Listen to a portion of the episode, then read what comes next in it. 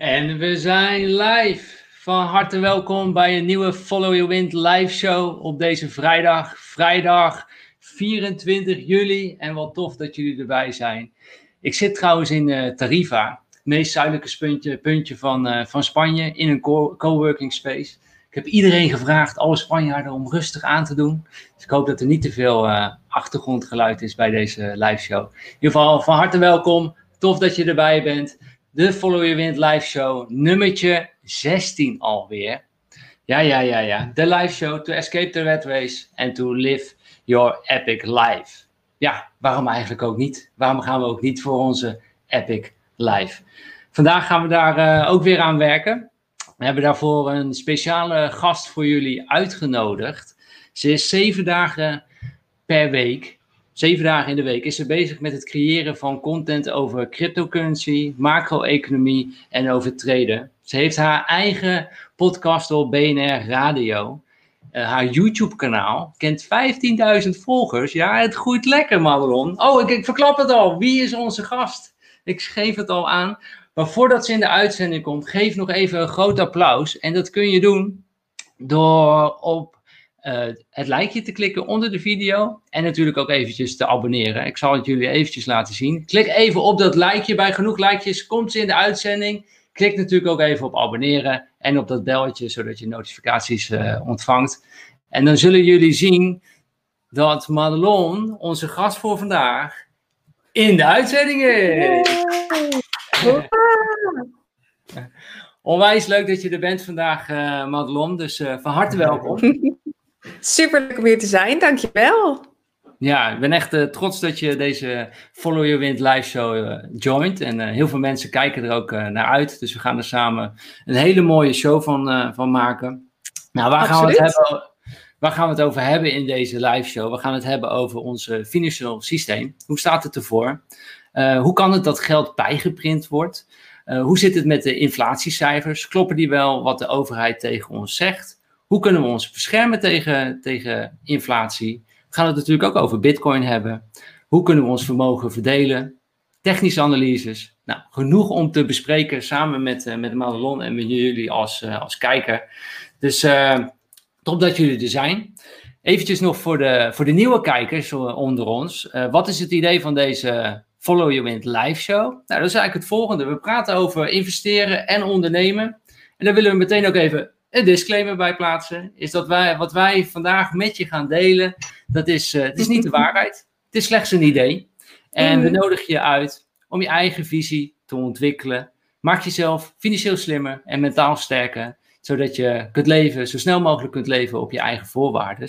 En dat is waar Follow Your Wind ook voor, uh, voor staat. Dus uh, top dat jullie meedoen. En het laatste nog over deze show. Uh, deze shows zijn uh, gratis te, bekijken. En het enige wat je zou kunnen doen, je zou deze uh, shows ook kunnen supporten door Follow Your Wind te supporten. We hebben namelijk ook merchandising. Dus wat, wat hebben we? Ik ga eens even kijken wat ik erbij ga pakken. Ehm, nou, bijvoorbeeld, we hebben voor kinderen hebben we ook Follow Your Wind. Nou, deze hebben van hun ouders aangetrokken. maar we hebben t-shirts, we hebben we hebben sport-t-shirts. En, en, hier zie je een, een, Duits gezin. We hebben truien. En we hebben ook, uh, ook uh, kijk hier heb je een trui nog.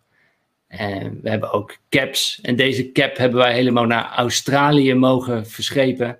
Dus wellicht nu ook leuk in de zomer in Nederland een, een cap. Dat is de manier hoe je deze show kunt supporten. Het is helemaal gratis bij te wonen. Mocht je enthousiast zijn, koop iets uit de collectie. En daarmee support je ook deze show. Yes, daar waren de algemene mededelingen, mededelingen en dan kunnen we gaan, uh, gaan beginnen.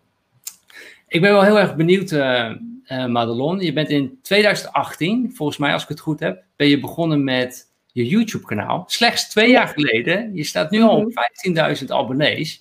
Ehm, je bent daar regelmatig zichtbaar met video's. Um, waarom ben je daar eigenlijk mee gestart? Ja, kijk, weet je wat het is? Ik uh, ben begonnen met het YouTube-kanaal in 2018. Dat was in juli 2018. En dat was nadat ik eigenlijk ontzettend graag al wilde beginnen met het maken van video's. Eigenlijk was ik in 2016 al bezig met... Ik wil vertellen aan mensen over dat Bitcoin meer is dan alleen voor criminelen. Um, ik wilde een stapje verder. Ik wilde het echte nieuws brengen in plaats van wat je in de kranten leest. En um, heel eerlijk gezegd durfde ik dat op dat moment niet. Ik vond het uh, spannend, ik vond het eng om dat te doen. Ik durfde niet zo goed voor de camera uh, te staan. En pas in 2018 kon ik mezelf ertoe zetten en vond ik ook dat echt dat het moment was om uh, hiermee te beginnen, omdat ik genoeg kennis had en uh, duidelijk mijn woordje klaar had. En zo is het begonnen. En het was in de eerste instantie puur alleen bedoeld om uh, heldere informatie te verschaffen op een hele laagdrempelige manier, dus voor iedereen toegankelijk. En uiteindelijk is dat uitgegroeid tot echt een heel erg groot kanaal en heel veel mensen die daarvan kunnen leren of hebben kunnen leren. En daar ben ik ontzettend dankbaar voor. En ik vind het zo tof dat ik daaraan aan mag bijdragen. Ja, wel tof. En, en je bent begonnen onder de naam Miss Bitcoin. En nu ga je het meer vertalen naar Madelon Vos. Hè? Want het is niet dat je alleen maar over Bitcoin praat. Klopt, nee, klopt inderdaad. Uh, Miss Bitcoin was wat meer een, een gimmick om even uh, mensen wakker te schudden. Uh, en, en het klinkt natuurlijk ook gewoon leuk, maar het, gaat veel dieper dan Bitcoin. Dat was ook wat wij in het voorgesprek al, al zeiden. Ja, het, begint bij Bitcoin, maar Bitcoin brengt je down the rabbit hole en dan kom je erachter hoe het systeem werkt en ga je dieper nadenken. En dan denk je, hey, het zit eigenlijk best wel vreemd die, waarom zou Bitcoin dan zo interessant zijn? En dan kom je achter een heleboel interessante dingen. Ja, en waar komt eigenlijk jouw passie vandaan voor, ook voor economie?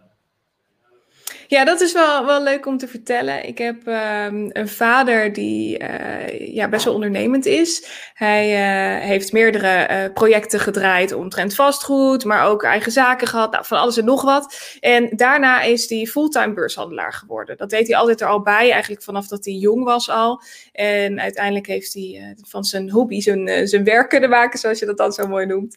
En um, ja, vanuit die, die beurshandelaarsvisie heeft hij ons echt bijgebracht dat je geld voor je moet laten werken. Dus breng je geld niet naar de bank, want dat is een keuze. Uh, je leent je geld uit tegen relatief lage rente. Uh, en daarnaast zet je het ook nog in euro. Een euro is ook een positie. Uh, en dat bracht hij ons bij. Dus wij mochten geld naar de bank brengen, maar we moesten ook kijken naar andere dingen. Dus kijk eens naar hoe je je geld voor je kan laten werken. En dat kan al zo simpel zijn als bijvoorbeeld aandelen, obligaties, opties. Maar ik ging natuurlijk verder kijken, want dat was allemaal maar een beetje saai, want dat deed hij ook. Um, en zo kwamen we bijvoorbeeld bij crowdfunding uit. Dat was toen heel erg populair. Maar ja, daarna kwam ook uh, Bitcoin uh, als nieuw betaalsysteem destijds nog. Uh, trok dat behoorlijk de aandacht. En er waren al verschillende projecten geweest die nou, niet echt geslaagd waren. e-cash, DigiCash bijvoorbeeld. En vanuit zijn visie ben ik verder gaan kijken. En achteraf, ja, nu pas begrijp ik eigenlijk hoe belangrijk het is geweest dat hij ons zo heeft opgevoed. Um, en dat ik al zo vroeg die kennis heb gehad. En daar ben ik mega dankbaar voor. En ik hoop dat ik andere mensen dat ook bij kan brengen. Dat je geld zo vroeg mogelijk moet, uh, voor je moet laten werken. En dat dat niet per se uh, veel geld hoeft te zijn. Je kan met een heel klein bedrag beginnen.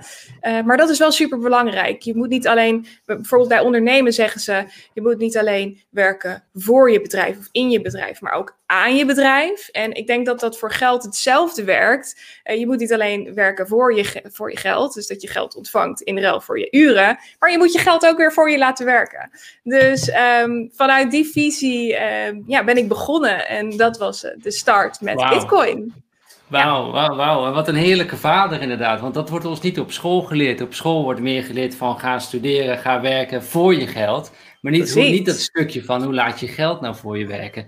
En ja. ook van breng je, breng je geld niet naar de bank. Dat is ook wel een, uh, een statement. En ik denk dat we daar ook, uh, nou de kijker mag zichzelf straks daar een conclusie over, over gaan, mm -hmm. gaan trekken, zeg maar. Of, die, of je nog wel je geld wel of niet bij de bank wil zetten en hoeveel maar, dan je daar wil Maar eigenlijk in de, in de basis is het best wel kwalijk, hè? Want niet iedereen heeft een vader zoals dat ik die heb gehad. En het feit dat je op school leert dat je uh, een bepaald vak moet uh, gaan uitoefenen en dat je een studie moet gaan volgen en daarna moet gaan werken voor een baas, is eigenlijk een beetje omgekeerde wereld. Ik had het toevallig uh, van de week nog met iemand over die zei: Ja, hoe vaak heb je bijvoorbeeld biologie nog toegepast of uh, geschiedenis? Uh, waarom leer je niets over ondernemen? Of waarom leer je niets over uh, geld of het aangaan van schulden of het aangaan van leningen? Waarom word je daar niets over verteld? En in de basis, in een zijstraatje wel, maar bijvoorbeeld het, het, het onderwerp personal finance of investeren, dat is iets wat op school gewoon eigenlijk een beetje vies is. Want nee, dat, dat hoef je niet te leren, dat, dat is gek. Nee, dat doen ehm, alleen de rijke stinkers. Die doen dat alleen. Nou ja, een rijke stinkert is precies zo'n woord. Waarom, waarom zijn het nou stinkert? Die mensen zijn hartstikke slim.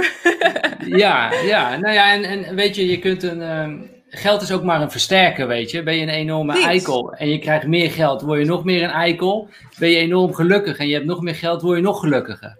Maar ben je mm. ongelukkig, dan word je nog ongelukkiger.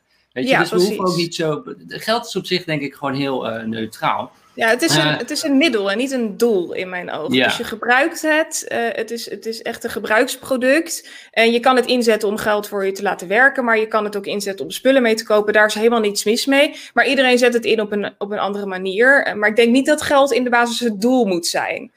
Ja, en nu uh, gebruiken we als geld hebben we verschillende munteenheden. We hebben de dollar, we hebben de euro, we hebben de pond. Nou, ik kan nog wel eventjes doorgaan, zeg maar. Uh, we hebben daar allemaal met z'n allen eigenlijk heel veel vertrouwen in. En nu ben ik wel benieuwd, kan zo'n munt ook gewoon vallen? Kan, kan, gewoon de dollar of de euro, kan die nou gewoon vallen? Als we terugkijken naar de geschiedenis, is er wel zo'n grote munt, is die wel eens uh, gevallen? Ja, heel, heel simpel gezegd, vroeger had had iemand zijn ging ook wel eens wat fout. Dan uh, gingen we, uh, ja, dan plofte de, de hele economie. En dan ging men over naar een nieuw geldsysteem. Het is ook vaak zo dat een geldsysteem maar een bepaald, uh, bepaald perspectief heeft. vaak 30, 40 jaar dat de munt draait, dat de munt staande wordt gehouden. dus dat is helemaal niet zo lang. Um, en kijkend naar bijvoorbeeld vroeger, toen we nog, bijvoorbeeld toen we net overgingen van de gouden muntjes naar de, de muntjes die van messing werden gemaakt, dus die niet meer echt fysiek goud hadden. Als dan hier in Amsterdam, ik zit trouwens nu op dit moment in Amsterdam, als hier de, de, de kooplieden die hun winkeltje hadden, als die die muntjes ontvingen, dan kregen ze die muntjes en dan dit was het eerste wat ze deden, ze renden zo snel mogelijk naar de, de centrale bank om dat in te wisselen voor goud. Uh, dus zij hadden nieuwe muntjes gekregen, die muntuitgifte, dat was rond. En dat duurde ook weer tien jaar voordat dat weer een beetje in het systeem zat bij de mensen. Nou, internetbankieren uh, hebben we uh, al een aantal jaren. Dat duurt ook lang voordat het in het systeem zit. En op een gegeven moment is dat is dat uit, is dat op. En dat kan door verschillende manieren. Dat kan bijvoorbeeld door uh, ongebreideld geld bijprinten, het opblazen van de economie, wat we dus nu zien. Dat kan ook door oorlog, dat kan door uh, politiek zijn. Dat is wat we uit de geschiedenis leren. En vaak ja, heeft een munt 30 à 40 jaar gemiddeld genomen uh, qua levensduur.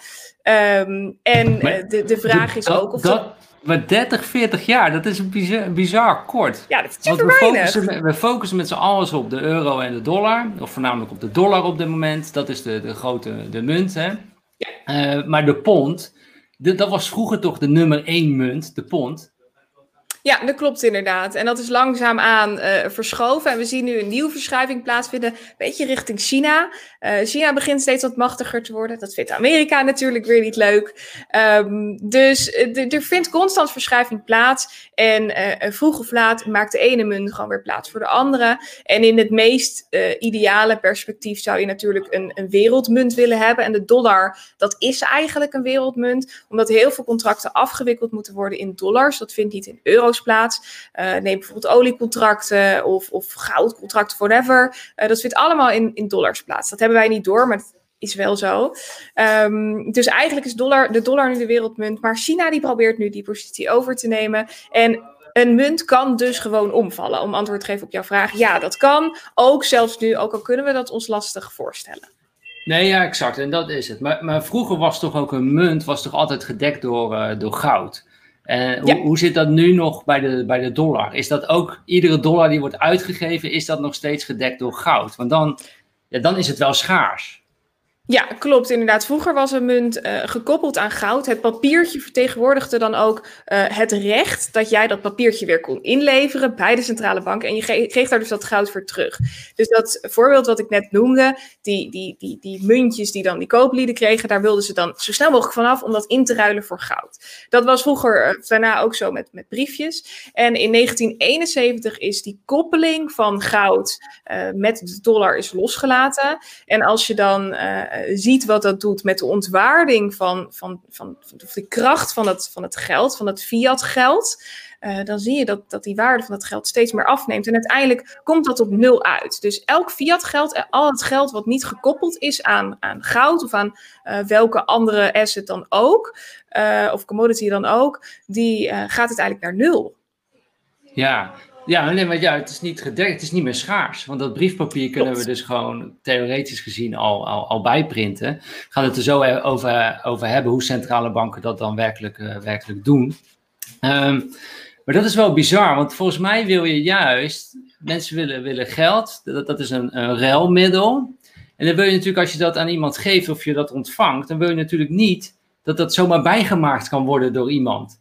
Weet je, als, jij, als, als criminelen dat doen en die, die printen geld bij en die gaan daarmee in de supermarkt betalen, dan word je toch boos? Ja, dat kan niet. Dat mag niet. Nee. Daarvoor ga je de gevangenis in.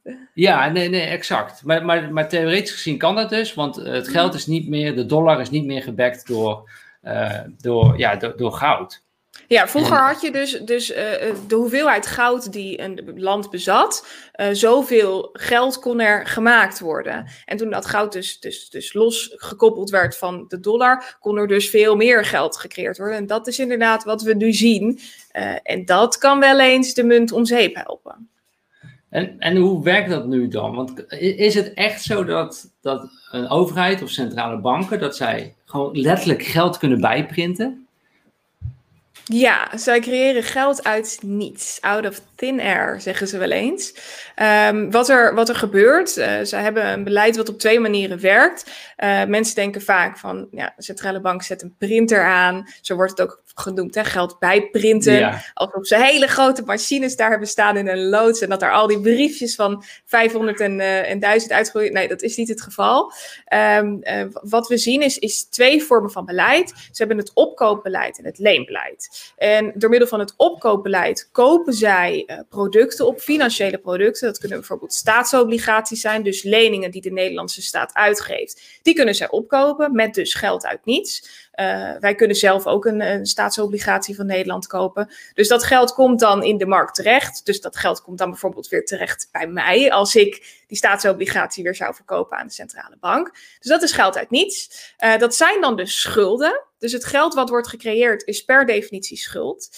En uh, daarbij hebben we dus in de eerste instantie dat, dat leenbeleid, dat opkoopbeleid. Dat leenbeleid werkt iets anders. Dat gaat via de banken.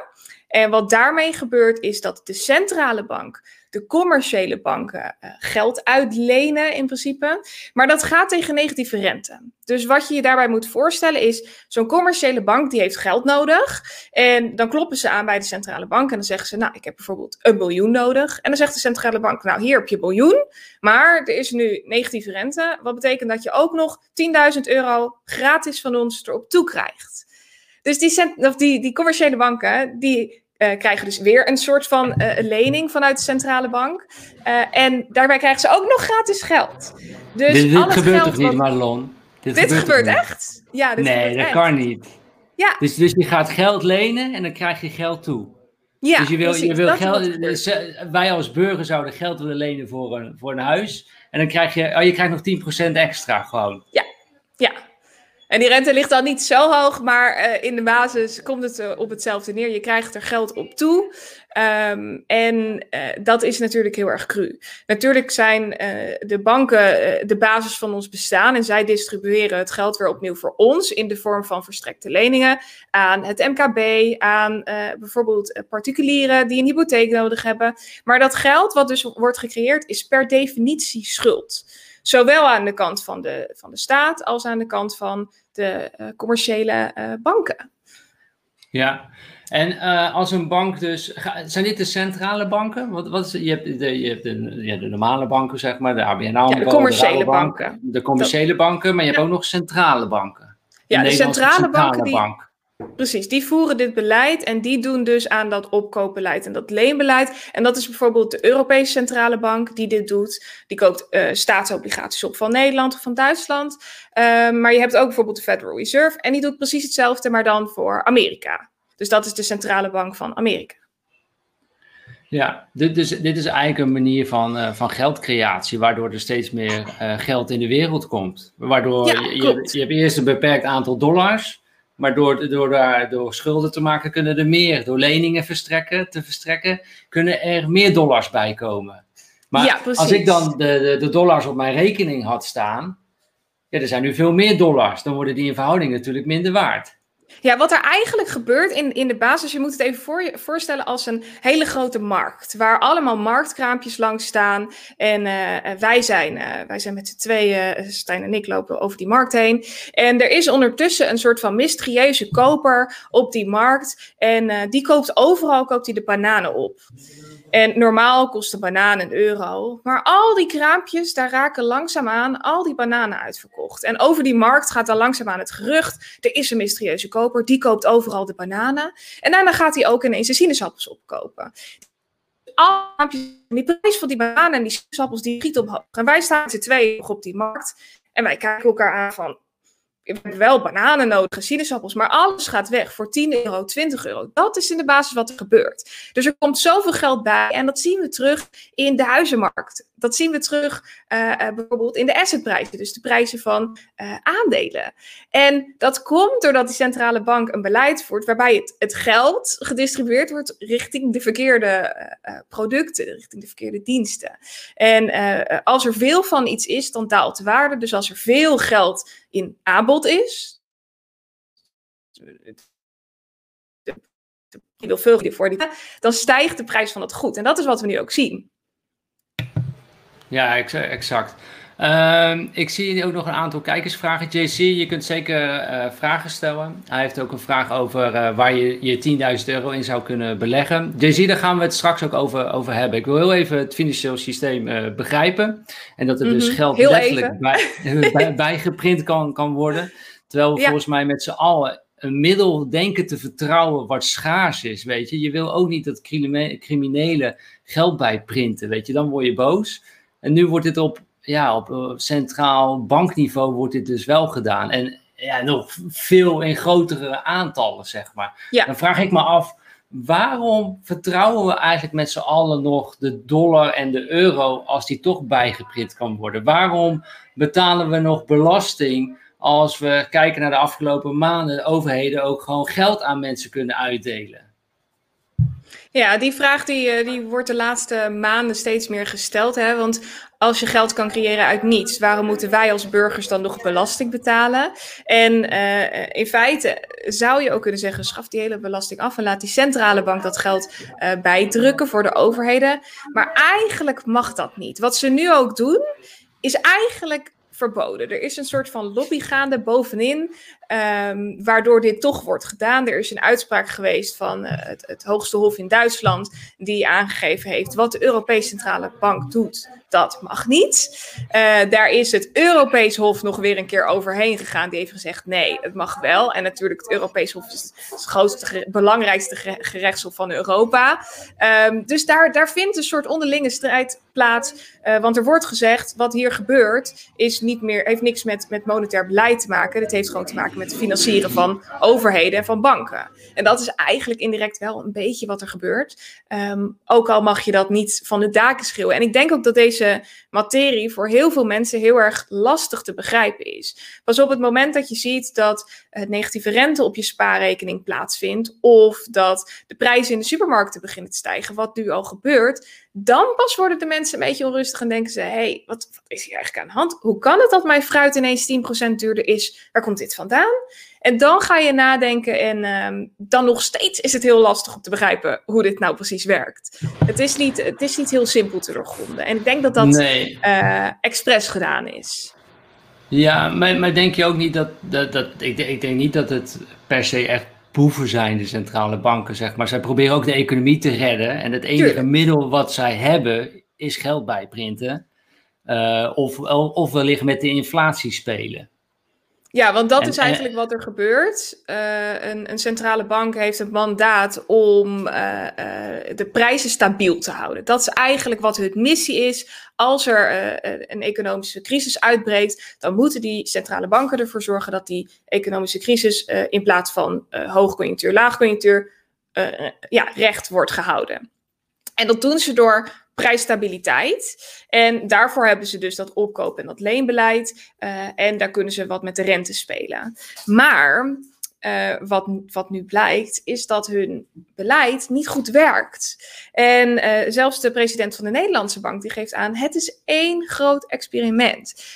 je zou bijna kunnen zeggen dat, dat, dat, dat economie best experimenteel is. Uh, wat er nu gebeurt, is een bepaalde visie, bepaalde zienswijze die wordt aangehouden. Maar wat ik wel vind, is dat het taalgebruik wat uh, wordt gebruikt binnen deze sectoren, is best wel pittig. Het is echt heel erg lastig, wollig taalgebruik. En we hadden uh, in de CryptoCast bij, bij BNR hadden we laatst Thomas Bolle te gast, financieel onderzoeksjournalist. En hij is heel erg sterk, heel erg goed. En hij zei letterlijk, ik denk dat uh, de burgers in Nederland niet begrijpen wat er hier gebeurt. Het woord prijsstabiliteit betekent 2% prijsstijging.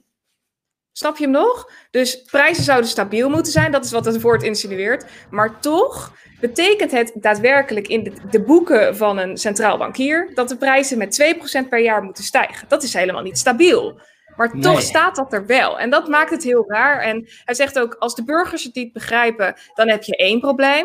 Maar een tweede is dat ook de mensen die dit beleid zouden moeten uitvoeren, of de, de regering die hier wat van zou moeten vinden, die moet het ook begrijpen. En hij gaf ook al aan, ik denk niet dat ze dit begrijpen. Het is veel te lastig, veel te wollig.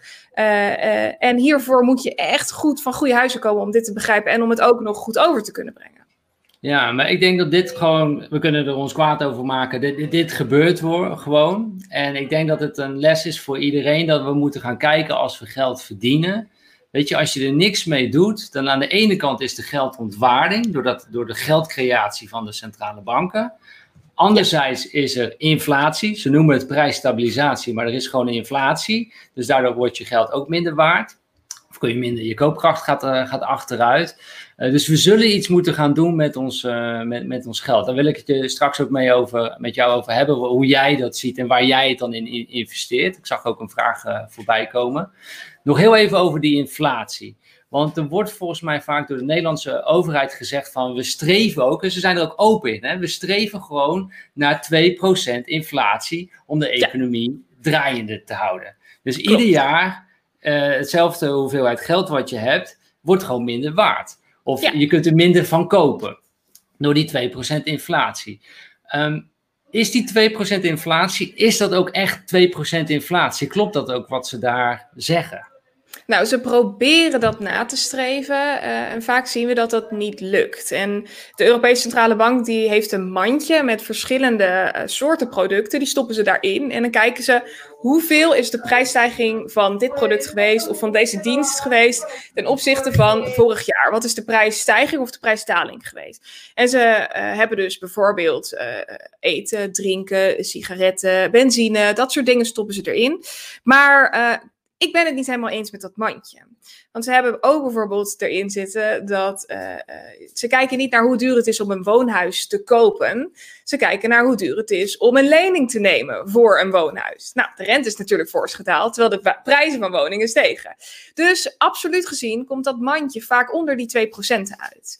Uh, dat komt door, door tal van verschillende dingen waar ik het ook weer niet mee eens ben. Maar goed, daar zullen we, te, zullen we niet te erg diep op ingaan. Ze proberen te streven naar die 2%. Uit hun cijfers blijkt dat dat niet het geval is. Maar ik vrees, met volgens mijn berekening, dat dat wel richting de 5 à 6% op jaarbasis gaat, die inflatie. Als je een eerlijk maar, maar, maar, maar, heeft de overheid er uh, baat bij om slechts 2% inflatie te hebben? Ja, dit is, dit is echt uh, het beleid vanuit de centrale bank. Um, en dit is natuurlijk goed voor overheden. Waarom ze dit willen, is omdat de schuldenlast dan minder drukt. Dus ons geld wordt minder waard. Maar als je een lening hebt, wordt die lening absoluut gezien ook minder waard. Want je kan hem relatief gezien, als je uh, inkomen wel meestijgt, kan je die makkelijker afbetalen. En wat ze dus niet willen, is dat er deflatie ontstaat. Want dan gaat die schuldenlast nog zwaarder drukken. Die schuldenlast wordt dan namelijk ook meer waard, omdat je nog harder moet werken om die schulden terug te betalen. Dus voor mensen met vermogen is inflatie heel naar. Voor de economie en voor de overheid kan inflatie juist voordelig zijn. En dat is ook de reden waarom ze daarnaar streven. Maar die berekening is dus niet helemaal, helemaal fair. En dit wordt je dus ook gewoon niet uitgelegd op school. Als ze dit verteld hadden, van nou, geld ontwaart, dus je moet er wat mee doen. Dan was het heel logisch geweest. En dan hadden wij waren we helemaal niet flabbergasted geweest dat we hier achter nee. kwamen. Snap je? Ja, maar de overheid heeft er dus wel belang bij voor 2% inflatie. Want als het minder zou zijn, dan wordt die schuldenlast van de overheid veel hoger. En ze hebben eenmaal veel schulden, dus je kunt beter maar gewoon geld minder waard laten worden. Dan is die 100.000 euro schuld, ja, dat is straks peanuts, weet je. Of die miljarden die ze hebben, dat is, dat is peanuts door de, door de inflatie. Dus daar hebben ze baat bij. Maar waarom willen ze niet zeggen ze van, nou, ik wil gewoon, uh, we gaan voor 10% inflatie? Want dan wordt hun schuldenlast nog minder... Uh, ja, ik denk niet dat de burgers daar blij mee zouden zijn. Ik denk dat je dan de hele economie uh, kapot maakt. Uh, je ziet wel bijvoorbeeld langzaamaan de trend plaatsvinden dat uh, vroeger een gezin nog onderhouden kan worden van één inkomen. Met één inkomen kon je prima een huis kopen. maar nu zien we al dat het binnen bijvoorbeeld binnen de ring van Amsterdam, als je met twee starters bent, is het heel lastig om een huis te kopen. Dan zit je gauw aan 4 ton voor, nou wat is het, 50, 55, 57 vierkante meter. dus dat zijn belachelijke prijs. Maar dat kun je niet meer in je eentje doen. En daardoor merk je dus wel langzamerhand, maar dat gaat generatie op generatie, dat het lastiger wordt om uh, hier in mee te groeien. Want vaak wordt er nog gezegd, ja, maar op je inkomen heb je een inflatiecorrectie. Nou, in vele gevallen, bij vele ambtenaren is dat al niet meer het geval. In vele gevallen krijg je ook geen inflatiecorrectie. Op je vermogen in ieder geval niet.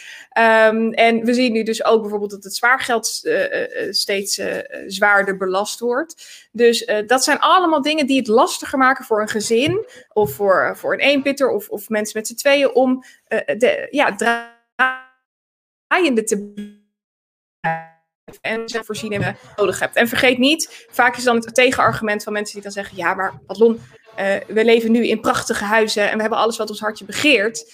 Ja, dat is dan wel zo, maar iedereen hier in Nederland, als grootste deel van de Nederlanders, volgens mij 69% van de Nederlanders, heeft nog een hypotheek. Terwijl in Oost-Europese landen uh, hebben we ook landen waarvan maar 2% een hypotheek heeft. Ja. Dat kun je je niet voorstellen. Je moet wel een hypotheek, anders kun je niet, als starter kun je niks. Uh, En de huren liggen zo hoog. Dus jij zei net 10%, waarom doen we dat niet? Ik denk niet dat dat uh, een, een aanvaardbare uh, prijsinflatie wordt. Nee, nee, nee, omdat mensen dus, boos worden. Ja, ze worden boos. En ik denk ook dan moet de overheid de AOW ook corrigeren met 10%. Dus dat loopt het ook weer uit de klauwen. Dus ze hebben er echt baat bij bij 2%. En nu kom ik bij mijn punt. Ze willen zo graag 2%. Kunnen ze dat mandje zo instellen dat er gewoon 2% inflatie uitkomt? Terwijl ehm, het in werkelijkheid meer is. Heb je, heb je daar voorbeelden van? Ja, ik denk dat ze dat, uh, dat ze dat hebben gedaan. Ik heb toevallig eventjes de cijfers erbij gepakt. Ik ga even kijken of ik mijn scherm kan delen. Uh, even kijken hoor. Hier heb ik hem staan. Zie jij dit nu?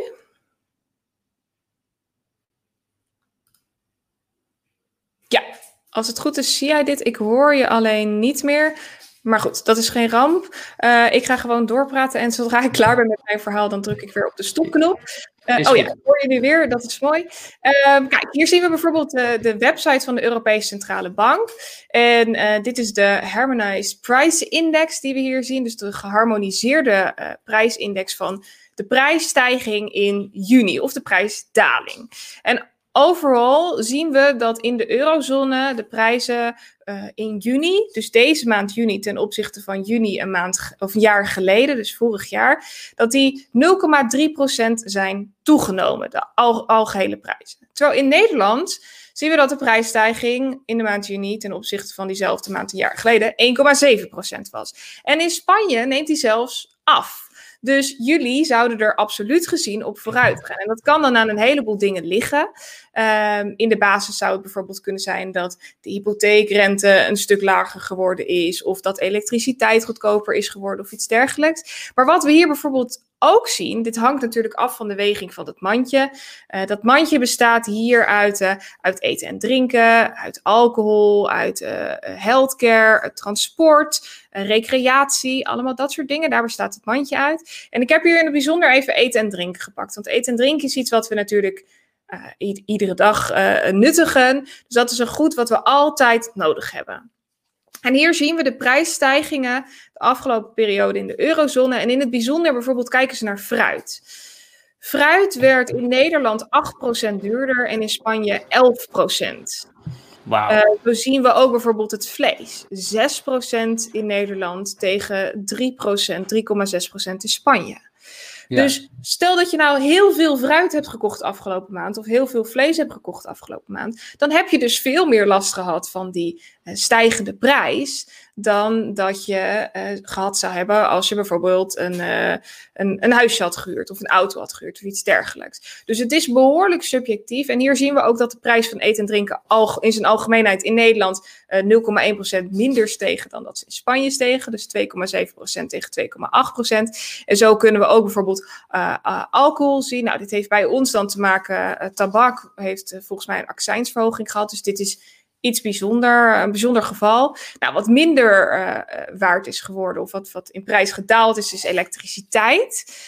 Um, dat is logisch, want door de coronacrisis is er minder uh, aan elektra gebruikt. Nou, zo zien we dus dat dat mandje uit een heleboel verschillende facetten bestaat. En we kunnen ook die weging niet achterhalen. Dus wat je eigenlijk zelf zou moeten doen, is uh, bepaalde wegingen hier aanhangen. Om te zien wat die inflatie voor jou betekent specifiek. Maar dat die prijzen maar, maar dus de, de overheid kan ieder jaar een ander mandje gebruiken. Het is niet dat ze ieder jaar hetzelfde mandje gebruiken, want dan hebben, kunnen we eerlijk vergelijken. Okay. Ja, eh, dat is wat we ook zien. Eh, de mandjes verschillen nog wel eens. De ene keer is het dit zakje aardappels, de andere keer is het een biologisch zakje aardappels. Eh, heel ver uh, is de berekening in mijn uh, optiek niet. Nee, dus, dus het is wel leuk dat iedereen 2% inflatie roept, maar het is wellicht nog veel groter. En je zag het op fruit, wat wij dagelijks eten, 11%. Uh, Precies. Ja, ongekend. Um, iemand vraagt ook van, denk je dat er een, een nieuwe bankencrisis uh, aanstaande is, zeg maar, met wat je eigenlijk nu net vertelt, door de geldcreatie, de nog meer schulden. De, denk je dat er nog een bankencrisis kan, uh, kan komen? Ja, dus wel leuk dat je dat vraagt. Toevallig hadden we gisteren Arno Wellens in, uh, in de podcast bij BNR. En die uh, riep al gelijk ja. En dat gaat in 2021 het geval zijn. Zo'n bankencrisis gaat wel een stapje uh, verder. Ik zal even in de basis uitleggen hoe dat ongeveer werkt. Wat je, wat je in de basis krijgt is dat als dat geld vanuit die Europese Centrale Bank wordt gedistribueerd, dan komt dat terecht bij zo'n commerciële bank in de vorm van een lening dus. En die, dat geld kunnen zij weer uit gaan geven. Dus ze moeten daar zelf 6% van, van iedere, uh, ieder uitgeleende 100% moeten ze zelf 6% aanhouden. Dus stel ze lenen 100 euro uit, houden ze 6 euro in kas. En stel nou dat die 100 euro niet terugbetaald wordt, dan moeten ze die 6 euro van hun balans afhalen. En wat er tijdens zo'n bankencrisis kan gebeuren, is dat ze te weinig op de balans hebben staan en dat ze te veel moeten afwaarderen, waardoor ze op papier failliet zijn. En dat is dus wat hij aangaf.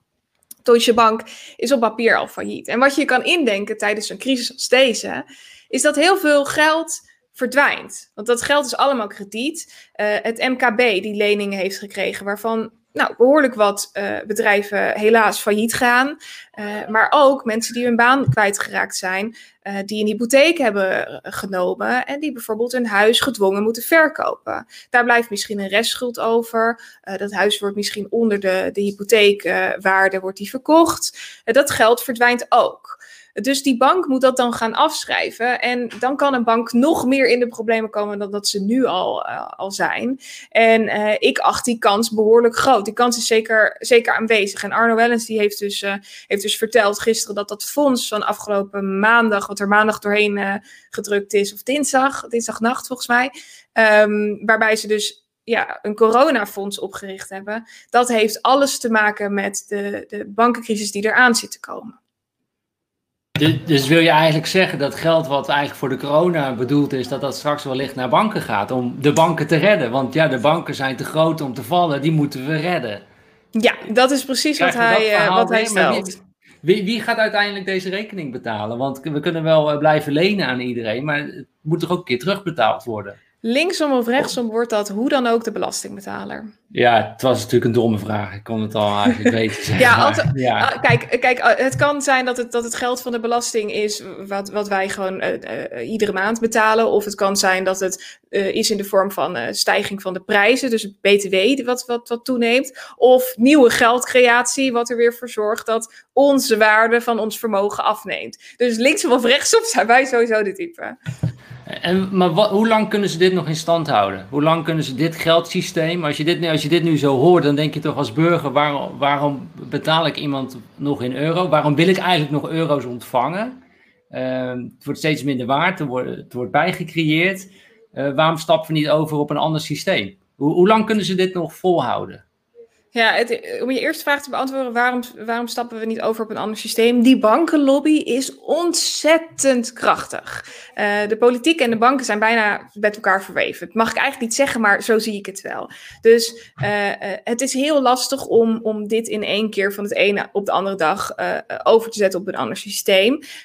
je moet door een hele, hele, hele bittere appel heen.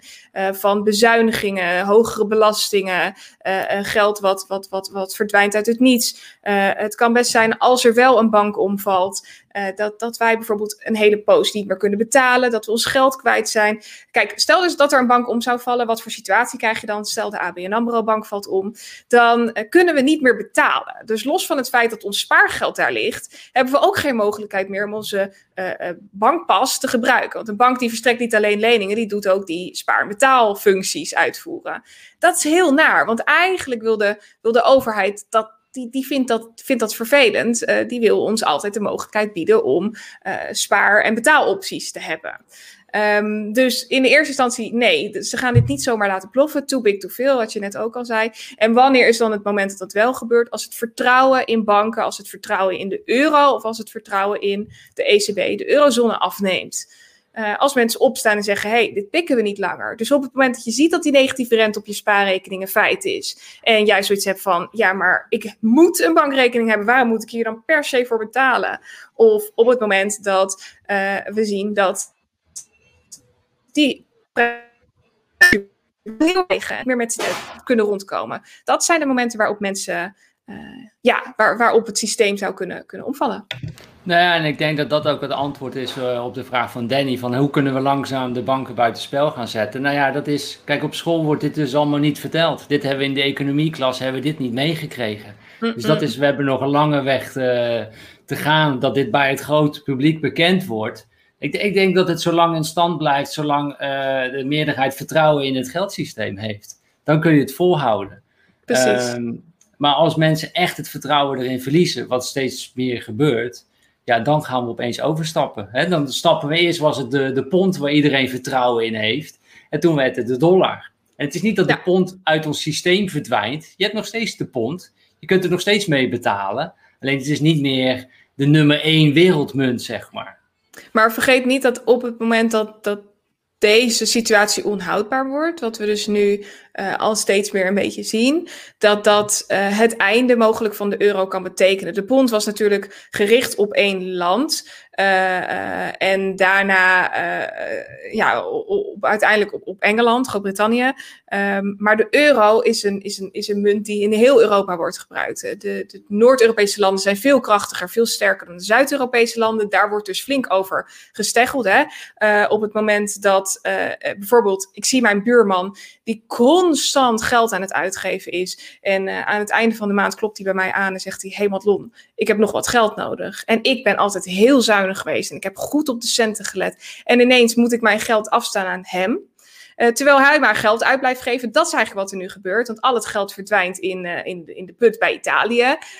Um, dat zijn wel uh, dingen die cruciaal kunnen zijn voor het voortbestaan van een euro.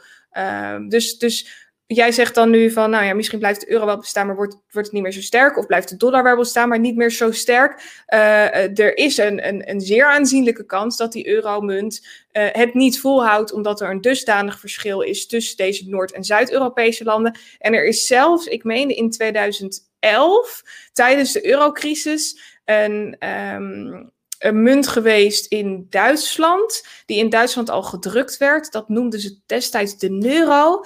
Uh, en dat is uiteindelijk op het laatste moment toch niet doorgegaan, maar ze hebben erover getwijfeld om zo'n munt uh, voor de Noord-Europese landen in het leven te roepen.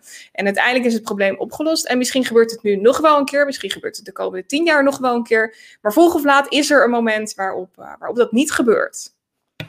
Nee, oké, en daar, daar willen we ons natuurlijk ook op, uh, op voorbereiden. Ik zie ook, uh, ik hoor je muziek. Ja, ik ook. oh, er staat iemand buiten met zijn keyboard uh, te spelen. maar ik zie een interessante vraag ook van Franciscus. hoe zou je het moeten doen zonder banken? Nou, ik denk dat we daar een bruggetje naar willen gaan maken, ook naar... naar Bitcoin. En hoe, hoe verhoudt Bitcoin, Bitcoin dan tot, tot dit, zeg maar? En kan mhm. Bitcoin betaalmiddel worden? Ondertussen uh, maak even gebruik dan maar van de, de muziek hier op de achtergrond. Laten we even een uh, Instagram momentje doen met, uh, met z'n allen, voordat we weer, weer verder gaan. Pak heel even je, je telefoon erbij. Oh, shit, en dan maken we. telefoon pakken? Nou, hoeft niet. Oh. Alle kijkers kunnen het ook doen. Oké, okay, top. pak even je telefoon erbij. Ik zet even een bannetje aan. En dan maken we even een foto met z'n allen. Zou het leuk vinden als alle kijkers ook een foto maken. Dus maak even een, een foto. Uh, even kijken, ben ik in beeld? Ja, komt-ie.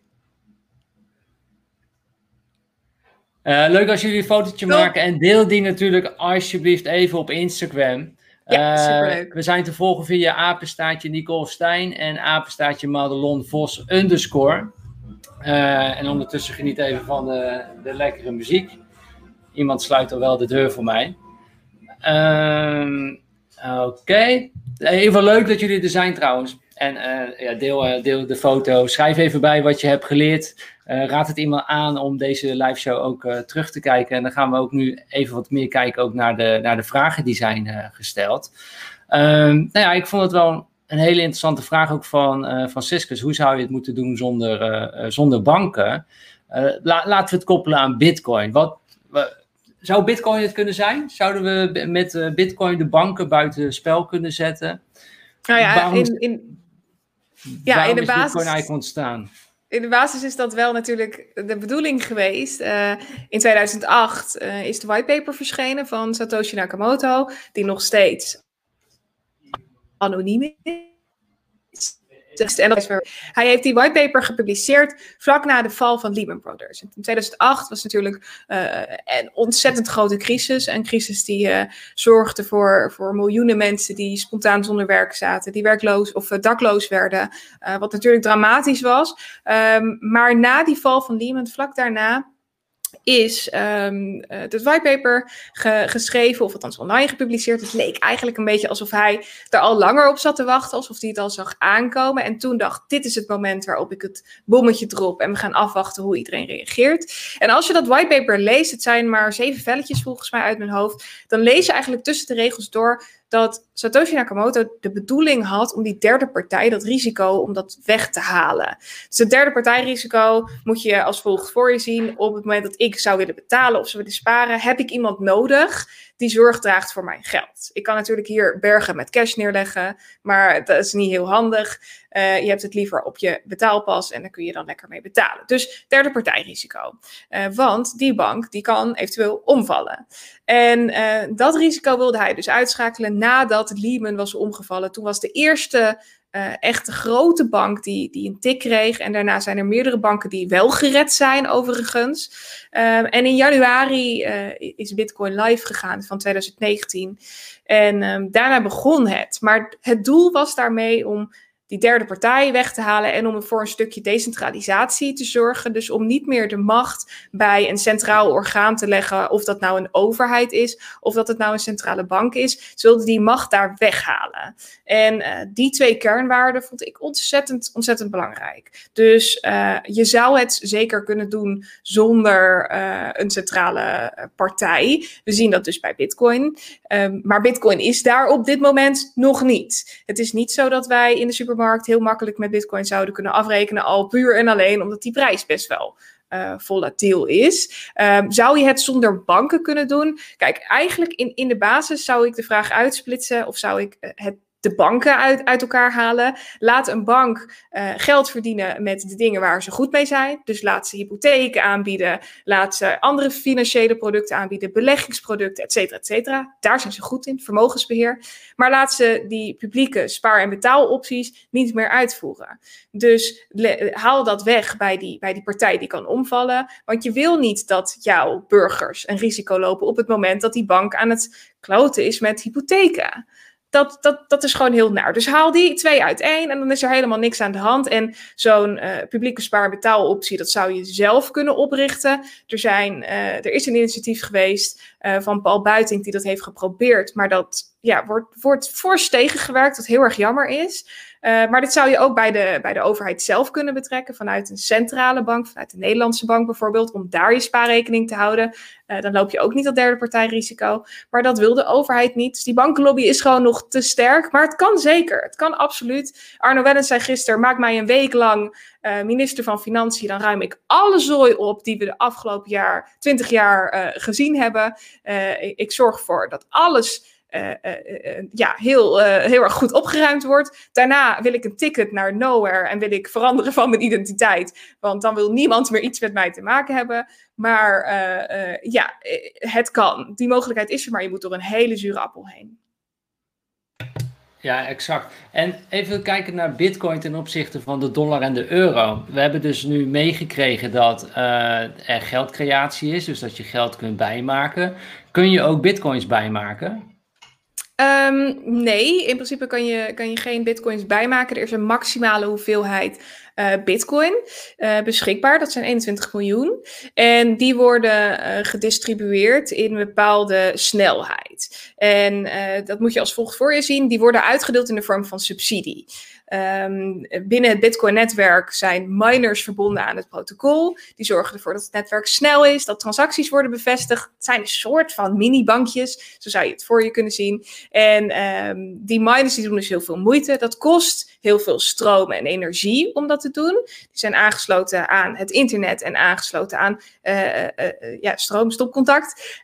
Um, en daarvoor in ruil krijgen ze een beloning. En dat is de mining subsidy, dus de subsidie voor miners. En dat vindt in de vorm van Bitcoin plaats. En dat vindt nog de komende uh, tot, tot uh, 21, 41, als ik me niet vergis, vindt dat plaats. Dan is echt het laatste milli, milliscuul stukje van Bitcoin ongeveer ge, gemined.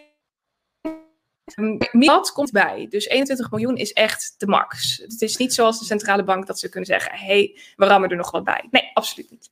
Dus we hebben al twee dingen anders. Het is uh, decentraal, het is niet afhankelijk van een derde partij. Uh, er kunnen ja. uh, maximaal maar 21 miljoen bitcoins ooit ontstaan.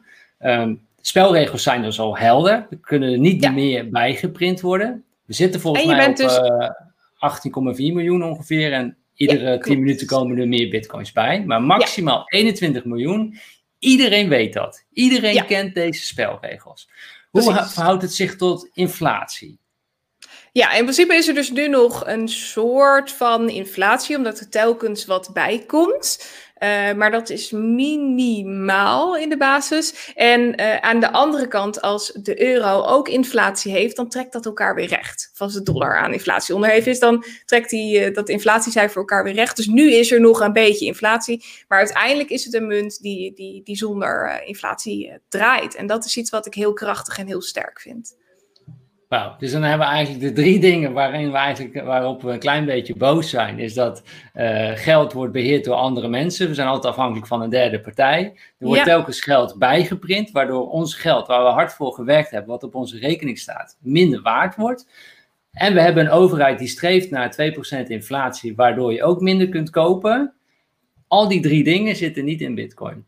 Ja, klopt. Die zijn eigenlijk averechts. Het is eigenlijk een hedge op die drie punten, zeg maar. Ja. Ehm, Ik is, zie het. dat, eh, is dat ook waarom jij gelooft in Bitcoin? Ja, eh, in eerste instantie dacht ik, leuk, geld, digitaal geld. eh, eh, kan je online versturen. Ik vond het gewoon tof dat het online was. Ik was toen ook, eh, ook best wel veel bezig met, met ja, hoe, hoe bijvoorbeeld hacken werkt en hoe het dark web werkt en dat soort dingen. Ik vond tech heel erg interessant. Ik heb toen ook nog een blogje gehad waar ik veel op schreef. En ik, ik vond het gewoon tof. Het is digitaal en het is geld. Het is twee dingen die ik super interessant vond. Maar pas daarna ben ik eigenlijk onderzoek gaan doen en kwam ik erachter dat er veel meer eigenschappen in terechtkwamen. Het is een stukje eh, geopolitiek, het is een stukje economie, het is een stukje development. Er komt zoveel meer bij kijken dan dat je in eerste instantie denkt als je de krantenkoppen leest. Criminaliteit, eh, eh, ja, een, een bubbelpatroon, dat soort dingen. Ehm, en natuurlijk, eh, die, die koers die is heel erg volatiel en het is ook echt niet verstandig om al je geld erin te stoppen. Maar het is zeker een interessante eh, asset om naar te kijken. En uh, kijkend bijvoorbeeld naar uh, goud. Goud wordt gezien als hedge tegen inflatie. Dus uh, over de tijd had je bijvoorbeeld 200 jaar geleden een heel mooi maatpak kunnen kopen met zoveel gram goud, bijvoorbeeld met 2 gram goud. en nu kun je dat met 2 gram goud bijvoorbeeld nog steeds. Um, dus in de basis blijft goud relatief stabiel, de prijs van goud. Goud wordt ook gezien als echt geld, terwijl fiat geld altijd naar nul gaat. Um, en als je kijkt naar uh, Bitcoin, zie ik Bitcoin als hedge tegen het complete financieel systeem. Dus niet als hedge tegen alleen inflatie, maar hedge tegen het systeem. Het is alles wat we nu in de euro niet hebben. Ja, en met, met bitcoin, kijk, met goud kan je niet even naar de bakker toe en even daar, ik, ik, ik doe even één grammetje eraf. Dat zou ook veel te veel zijn, denk ik. Uh, om zo te gaan betalen. Maar met bitcoin, mm. die, één zo'n zo'n bitcoin, die kan je in 1 miljoen uh, stukjes weer opdelen. Dus in ja. hele kleine stukjes. Uh, dus, dus, dat is natuurlijk ook uh, heel top, waardoor het zelfs als een betaalsysteem kan, zou kunnen zijn. Uh, even over de koers gesproken. Hoe, hoe, bepalen we nou wanneer we moeten instappen in de bitcoin, zeg maar? Wat is, hoe doe jij dat? Ja, dat is natuurlijk uh, super, super lastig om in te schatten. Ik kan me nog herinneren dat toen ik mijn eerste bitcoin kocht, dat ik eerst dacht, hey leuk. Uh, en daarna heb ik wat meer gekocht. En toen kwam ik er dus achter dat die koers zo erg bewoog. Uh, en ik heb in het begin slapeloze nachten gehad van het feit dat die koers zo erg volatiel was. Ik kon er gewoon niet goed tegen. En toen zei mijn vader, nou dan moet je er maar in gaan verdiepen. Wat doet die koers? En wat zegt dat wiskundig? Wat kun je daarmee? Hoe werkt dat dan? Dus uiteindelijk ben ik gaan kijken naar een soort van manieren om houvast te krijgen, om uh, uh, voor mezelf een soort bescherming in te bouwen van nou, als dit dan dat. Dat ik een beetje rust kreeg. Ik ben mega control freak en ja, als je naar Bitcoin koers kijkt, het gaat zo snel en het gaat zo hard. Dat is natuurlijk heel lastig. Dus in de basis, als je naar Bitcoin kijkt, kijk je naar de grafiek. En op basis van die grafiek kan je een inschatting maken van nou, dit hebben we in de geschiedenis zo vaak gezien. En in zoveel procent van die gevallen gebeurde toen dit. Dus als we die berekening toepassen, dan kunnen we ervan uitgaan dat we uh, een opwaartse beweging zien. En dat eigenlijk toe en dat noemen we technische analyse. Ja, dus de, op basis van technische analyse uh, koop jij wel of verkoop jij je, je bitcoin. Je koopt in en, en verkoopt uh, je, je bitcoin op basis van technische analyse. Um, waarom werkt technische analyse? Ja, technische analyse is geen exacte wetenschap. Dus het is niet zo dat als je dit zo berekent, dat het dan ook da daadwerkelijk gebeurt. Uh, maar het is wel een manier om je kansen wat beter in te schatten. Hoe ik het altijd zie is, dus beeld je voor, of beeld je in dat je in de nacht uh, over een heel klein richeltje moet lopen. En links is een ravijn en rechts is ook een ravijn. En met technische analyse heb je een soort van mini-zaklampje waarmee je toch iets meer naar links en naar rechts kan sturen, zodat je iets beter een pad voor jezelf kan, uh, kan zichtbaar maken. En in de basis, als je, als je bezig bent met technische analyse, kijk je naar verschillende dingen. Uh, je hebt verschillende tools die je kan toepassen. Bijvoorbeeld het tekenen van uh, patronen. Patroonanalyse noemen ze dat. Maar je kan ook bijvoorbeeld het volume meenemen. Hoeveel wordt er gehandeld? Of je kan meenemen wat het gemiddelde is van de prijs van de afgelopen 30 dagen. Dus op basis van wiskundige formules kun je ja, en een patroon pakken en een wiskundige formule en nog een lijntje tekenen. En op basis daarvan kun je je toolset verbeteren. Dus je maakt die kans, uh, die kansberekening maak je voor jezelf nog beter om daar op in te kunnen spelen. En het mooie vind ik is dat, kijk, je hebt nooit 100% je zit nooit 100% van de gevallen goed. Dat kan niet met echt analyse, want het is geen exacte wetenschap. Maar je kan wel die kans voor jezelf groter maken om meer van de gevallen goed te, zien, goed te zitten. En dan zit je vaak tussen de 70 en 80% van de keren goed. En dat is al heel mooi.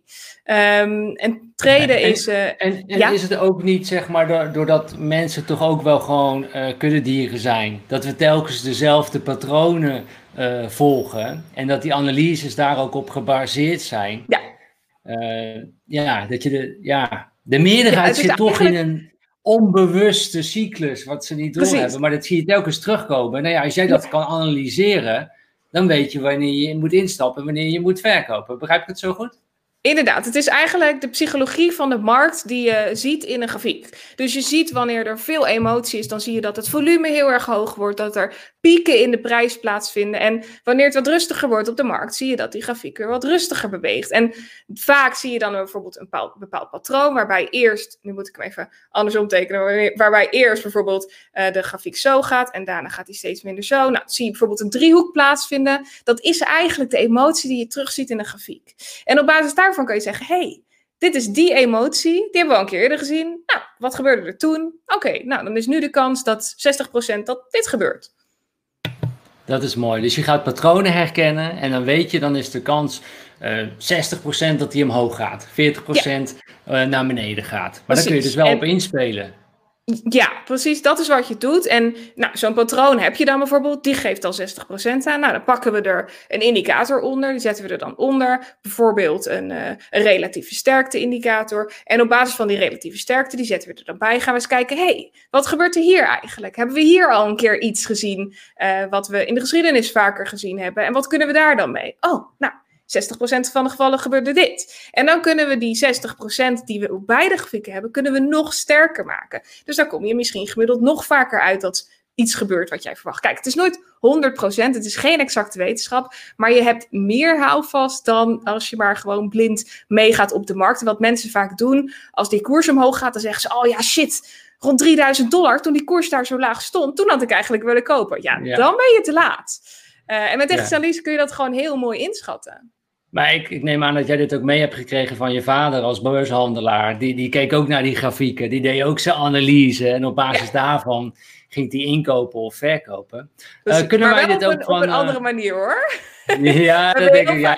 Heel vaak discussies dat we het niet met elkaar eens zijn. Maar goed, dat is goed. Technische analyse is, uh, beoefent iedereen op een, op een andere manier. Iedereen heeft zijn eigen tools. Net als dat bijvoorbeeld iedere klusjesman zijn eigen tools gebruikt, doen wij dat ook. En uh, dat zorgt voor veel discussie, maar is uh, superleuk, want daar leer je alleen maar van.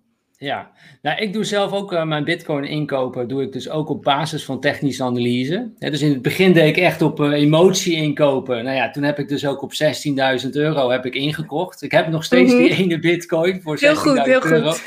ik heb hem nog steeds, want ik geloof dat hij meer dan 100.000 euro gaat, uh, gaat worden. En je hebt pas verlies als je hem verkoopt. Uh, maar sindsdien heb ik daar veel van geleerd en ben, doe ik alleen nog mijn inkopen op basis van technische analyse. En ik schakel dus mijn emotie uit, maar ik kijk echt gewoon naar de, naar, ja, naar de analyse. En ik merk gewoon dat dat gewoon ja, je kansen gewoon uh, verhoogt. Ik weet ook dat mensen dit bij jou kunnen leren, toch Marlon? Ja, dat klopt inderdaad. Ik heb uh, heel veel vragen gehad vorig jaar, vooral 2017 ook, toen die markt behoorlijk uh, hard omhoog ging. En toen, uh, toen zeiden mensen, ja Madelon, hoe doe je dat nou? Hoe kan je nou toch die rust voor jezelf krijgen? Hoe kan ik nou zorgen dat ik inderdaad niet op 16.000 dollar inkoop, maar al wat eerder? hoe speel je daarop in? en zo ben ik eigenlijk gaan reageren op de mail. En op een gegeven moment werd het een dagtaak. En toen dacht ik, hey, weet je wat leuk is? Ik maak gewoon een gratis cursus technische analyse. Die stuur ik naar iedereen toe die hier vragen over heeft. En dan kunnen ze er lekker naar kijken. En uiteindelijk ben ik begonnen met die cursus. Uh, niet wetende dat er zo ontzettend veel werk in zou zitten. Want als ik iets doe, dan wil ik het perfect doen. Um, dus uiteindelijk uh, is die cursus, ik denk iets van vier uur, iets meer dan vier uur uh, geworden. Maar het heeft me maanden gekost om het te maken. en al mijn, al mijn ervaring en kennis zit erin. Er is nog steeds een, een gratis, gratis cursus waarin je echt de basisstapjes, dus kennis maakt met technische analyse. En om, ook om te kijken of het iets voor je is en of mijn manier van uitleggen fijn is. Ehm, dat is dus de basis, basiscursus. Maar er is inderdaad ook een uitgebreide cursus waarin je echt alles leert over technische analyse. Alle facetten die je nodig hebt om goede handelaar te kunnen worden. Ja, en we hebben met uh, Follow Your Wind doen we ook uh, iets speciaals. Hè? Dus je hebt, ik zie hier ook in beeld, je hebt twee, twee cursussen. Je hebt de, de Bitcoin Basics en je hebt de technische analyse. Mm -hmm. mochten jullie kijkers daar interesse in hebben, dan kun je gaan naar de website followyourwind.com slash Madelon. En met de couponcode Follow Your Wind krijg je 10% voordeel. Uh, kan je eerst wat nog uitleggen over die te technische analyse? Gaat dat alleen maar over uh, uh, Bitcoin of kan je dat ook op, op goud gebruiken en op, op andere markten, misschien ook op de vastgoedmarkt? Ja, het, is van, het fantastische aan technische analyse is dat het vaak gebruik maakt van verschillende indicatoren. En die indicatoren zijn zo gemaakt dat ze niet absoluut zijn, maar dat er een indexcijfer gebruikt is. Dus die kun je toepassen op alle markten. Uh, degene die hier uh, op afgestudeerd is, op, op gepromoveerd is, die heeft hier ontzettend veel onderzoek naar gedaan en naar allemaal verschillende markten. En die cijfers heeft hij samengevoegd. Dus dit, deze, deze vorm van traden, deze vorm van technische analyse kun je toepassen op tal van verschillende uh, beurzen, op indices, op aandelen, op forexmarkt, maar dus ook op crypto. En ik merk in het bijzonder dat deze techniek die ik toepas, dat die goed werkt op de Bitcoin grafiek. wat minder bijvoorbeeld op de obligatiemarkt, uh, maar ook bijvoorbeeld weer heel erg goed op de DAX, goed op, op de Forex-markt. Dus op bepaalde markten werkt het heel goed, maar als je de basis van technische analyse dusdanig goed begrijpt, dan kun je gewoon je eigen toolset uh, samenstellen en kun je door middel van backtesting kijken welke toolset het beste werkt voor de markt waar jij in wil zitten, waar je het beste uh, koop- of verkoopmoment in wil bepalen. Ja, de, dus dat is mooi. Dus, dus uh, voornamelijk op, uh, op Bitcoin. Maar, en uh, wellicht dat je het ook voor, voor goud en aandelen ook kunt gebruiken. Ik, ik denk eigenlijk ook dat je. Uiteindelijk maak je altijd je eigen analyse. Weet je? je, je krijgt het nu aangereikt. Je gaat het nu steeds meer de patronen herkennen. Ja. En ik, ik heb zelf ook mijn eigen systeempje ontwikkeld van nee, ik stap alleen op die momenten in. Als ik die ja. voorwaarden zie, dan stap ik in. Maar dat heb ik wel geleerd door telkens trainingen te volgen. Om te achterhalen van, hey, hoe kijkt diegene ernaar? Hoe kijkt die andere ernaar? En dan ontwikkel je gewoon je eigen systeem daar, uh, daarin, denk ik.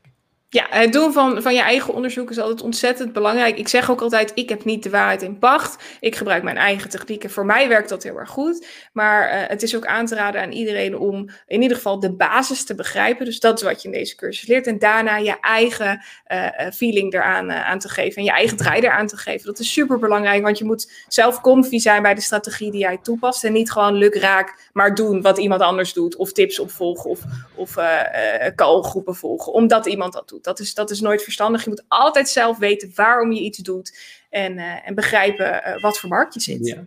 En Madelon, doe jij dagtreden of uh, hoe, hoe, vaak doe jij trainen? Ja, nee, ik doe niet meer aan, aan dagtreden. Ik heb uh, zoveel andere leuke dingen waar ik me ook mee bezig mag, mag houden. Onder andere video's, uh, podcasts, uh, whatever. dus dat is niet te doen. Dagtreden betekent dat je echt voornamelijk als je meer bitcoin wil vergaren, 24-7 bezig bent met je trades. Dus ook in de nacht. Deze markt sluit niet. ook niet in het weekend, ook niet dat, dat is het mooie, ook het lastige van Bitcoin. Ik doe een aantal trades uh, per week, soms niet eens één per week. Dat hangt er vanaf hoe de markt erbij ligt. We hebben nu de afgelopen week heel weinig volatiliteit gezien. Dus die markt lag er heel rustig bij. De koers bewoog weinig. Nou, dan is er eigenlijk geen reden om te gaan handelen. Je wil wachten totdat er een uitbraak plaatsvindt waar je uh, nou, fors veel geld op kan verdienen. Um, dus daarop is, is soms het wachten. Maar het kan ook zijn dat je soms vijf trades in de week doet, omdat die markt heel volatiel is en je bijvoorbeeld meer Bitcoin ertussenuit kan snoepen. Uh, en dat is natuurlijk weer heel erg mooi. Um, maar dit is eigenlijk, deze techniek is eigenlijk toe te passen op de hele korte termijn. Dus ook voor daghandelaren. Maar je kan het ook toepassen op de hele lange termijn. Dat hangt er maar net vanaf hoe groot de grafiek is die, uh, die je gebruikt. Of je dagcandles gebruikt, uh, minutencandles of maandcandles zelfs. Je kan ook zeggen, nou ik wil één trade per jaar doen. Dan pak je een heel groot timeframe en dan pas je dezelfde techniek toe. Ja, ik, ik ben het wel met je eens. Ik, heb, uh, ik deed eerst ook uh, dag uh, treden, zeg maar. Maar je wordt gewoon helemaal gek, weet je. Dan moet ja, je echt tegen bestendig zijn. En het, ik vind het ook zonde van mijn tijd om heel de tijd achter die computer te, te zetten. Dus en met, met Bitcoin... is het, is het het soms niet eens waard? Want wat, wat goed is om te weten, je hebt handelaren die uh, daghandelen om gewoon geld te verdienen aan het einde van de dag. Of daghandelaren die uh, meer bitcoin willen vergaren. En ik ben iemand die verwacht dat de koers van bitcoin fors omhoog gaat. Dus ik wil meer bitcoin. Ondanks dat ik misschien in dollars geld verlies, wil ik wel meer bitcoin. En in de basis maakt dat het lastig. Want als jij daghandelaar bent, moet je ervan leven. Dus dan kan het zijn dat jouw geld absoluut gezien in dollars minder waard geworden bent. Terwijl je een hele goede dag hebt gehad, want je hebt bijvoorbeeld een bitcoin extra verdiend. Maar wel 5000 dollar door op achteruit gegaan. Uh, en als je ervan moet leven, dan, ja, dan, dan wordt het lastig uh, om, om een bitcoin uh, handelaar of maximalist, zo zou je het kunnen zien, te zijn. Terwijl je ook daghandelaar bent. Maar voor andere mensen die bijvoorbeeld juist meer dollars willen, dan kan het wel zeker lucratief zijn. Ja, maar, maar, wat ik ook nog wilde zeggen is dat ik dus dat niet meer per dag en iedere dag erachter zit. Ik doe gewoon mijn analyse. En ik stel dan mijn trades al in, zeg maar. Dus nu, vorige week was het heel rustig. Maar ik had al, twee weken geleden had ik al een trade ingesteld. Uh, en die is dan gisteren gehit, zeg maar. Dus, dan, hè, dus ik ging dan short. Uh, maar en, en, um, dus dan krijg ik gewoon een melding op mijn telefoon van oké, je bent short gegaan. En dan ga ik het managen, dan ga ik mijn risico managen. Weet je, ik heb hem nou gewoon in profit gezet. Dus ook al gaat de koers nou omhoog, maakt niet uit, want ik denk dat hij naar beneden ging. Mhm. Eh, maar dit, geeft me zoveel rust door zo'n technische analyse, dat ik gewoon, ik ben de markt voor. Ik maak mijn trades niet van, oh nu zit, nu gaat hij omhoog, nu gaat hij omlaag, en dat, dat je in die paniek gaat handelen. Nee, ik heb ze al ingesteld. Ik heb ook ingesteld wanneer ik er weer uitstap. Eh, stap, dus ik weet wanneer me, wanneer, hoeveel mijn verlies is en wanneer ik die neem. En dat geeft wel veel, is veel relaxed te treden. Um, met ook als doel gewoon ja, meer bitcoins vergaren. That, that's it. Heel goed. Dus dat is wat we ook leren tijdens jouw technische analyse, hoe je dat kunt, uh, kunt doen. Zeker.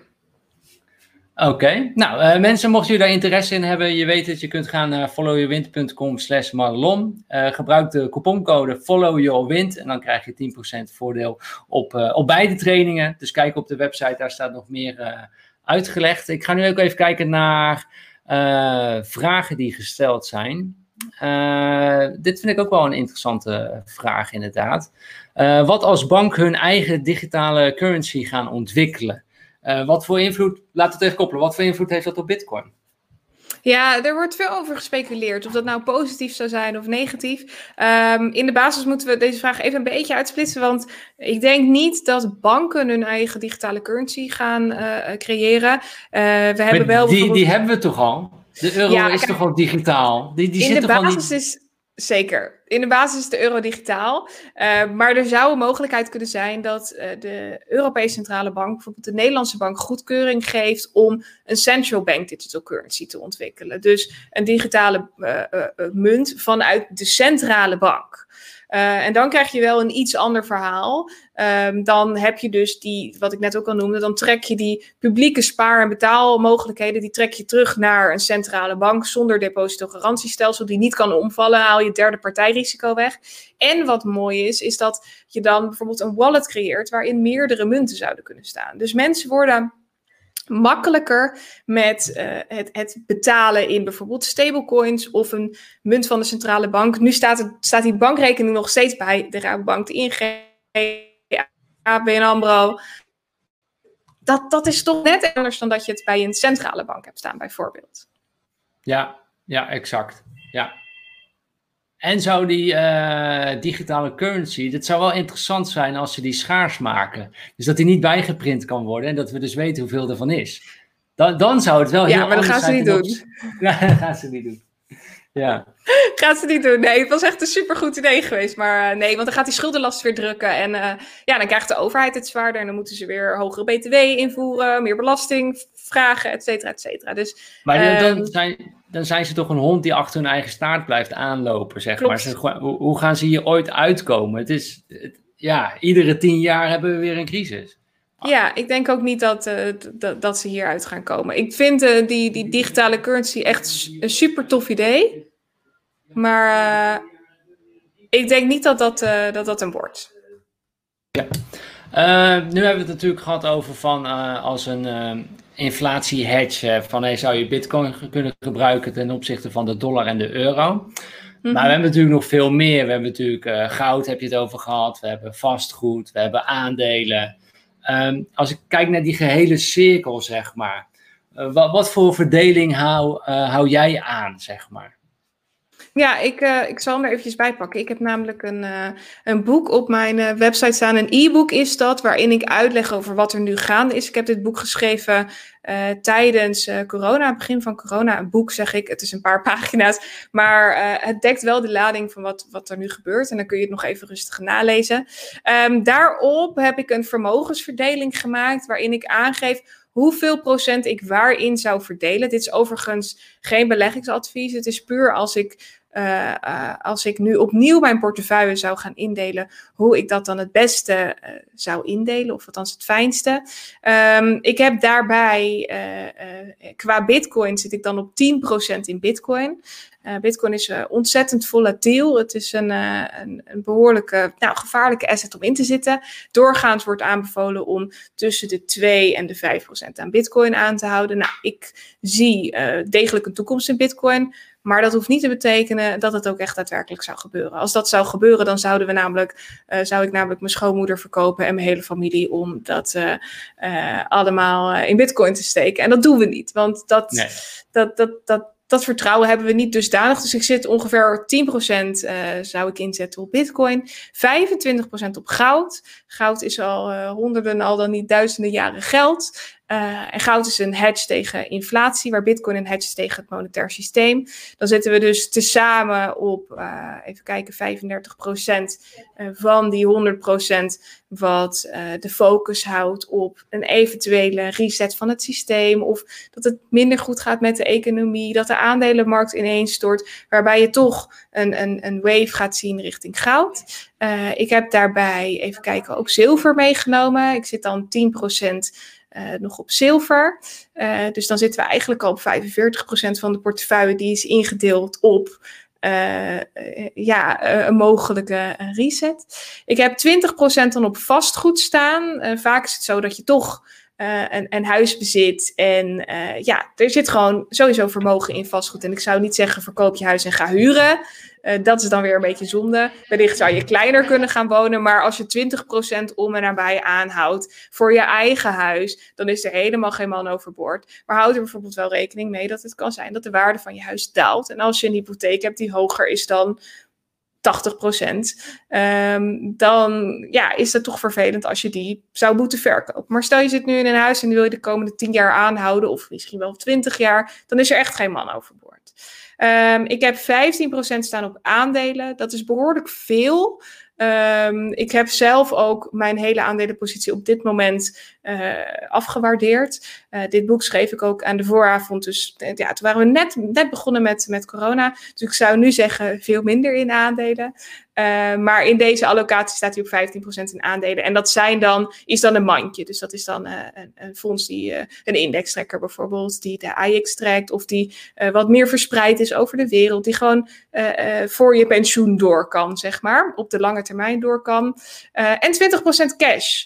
Want ik verwacht dat er zich de komende periode veel kansen voor gaan doen. Op welk vlak dat ook zal zijn. Of dat nou investeringsmogelijkheden zou kunnen zijn in bedrijven of dat we weer kansen zien op de aandelenmarkt. Of dat we uh, juist zilver of bitcoin.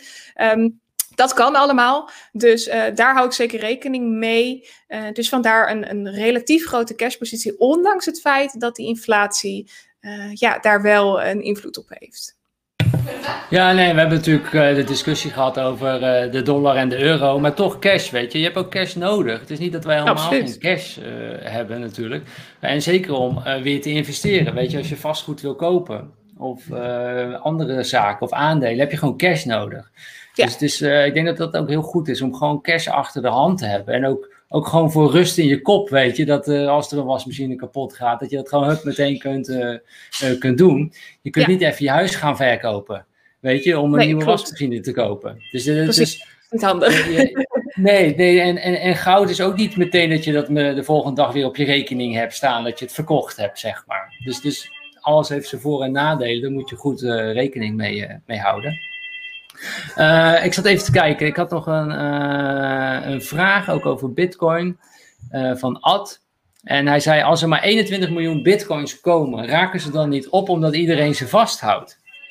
Ja, dat is wel een goeie. Je kan die 21 miljoen weer opdelen in een miljoen deeltjes.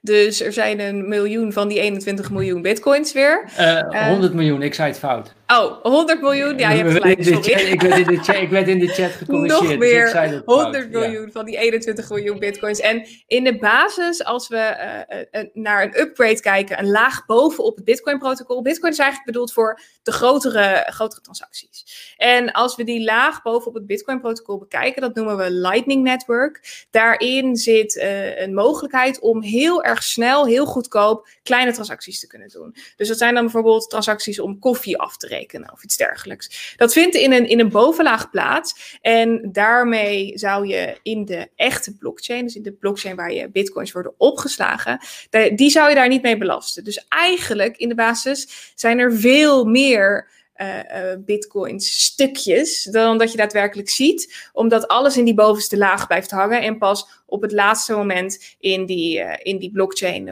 terechtkomt als het om grote bedragen gaat.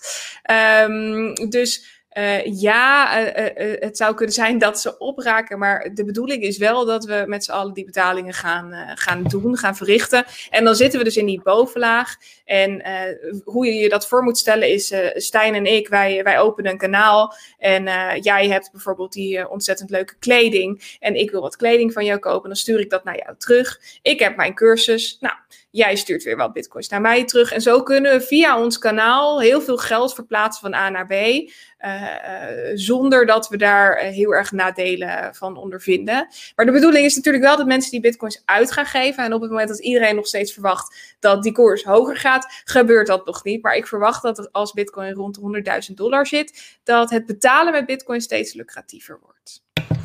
Ja, verwacht je dan, kijk, nu is die ook heel volatiel, weet je. Je, je, je gaat van 14.000 naar 3.000, van 3.000 naar 10.000. Nou, wellicht gaan we van 10.000 naar, naar 100.000. Dat is wellicht ook een van de redenen waarom wij er nu in zitten, waarom wij het kopen. Wij verwachten dat het veel meer waard gaat, uh, gaat worden.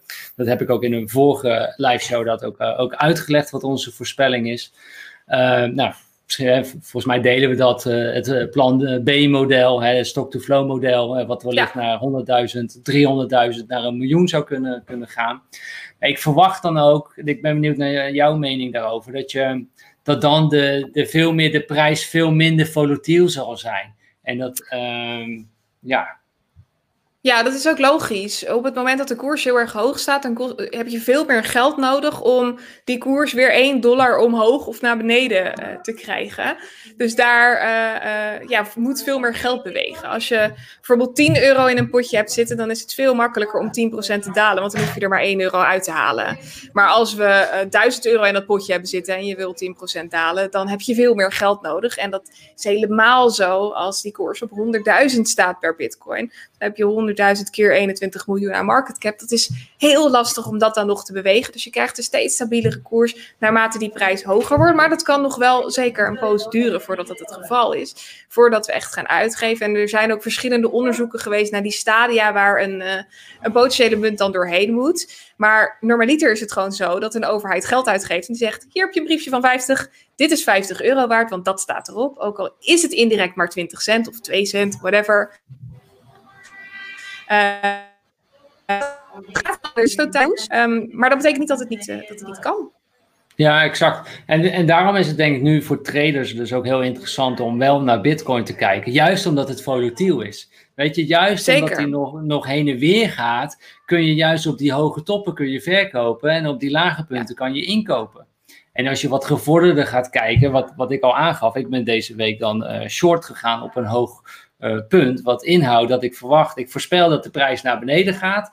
Gaat de bitcoinprijs naar beneden, dan maak ik winst, dan krijg ik meer bitcoins. Dit is heel onlogisch voor mijn, mijn hoofd, maar ik weet gewoon, zo werkt het nu, dat, dat, dat kan zeg maar.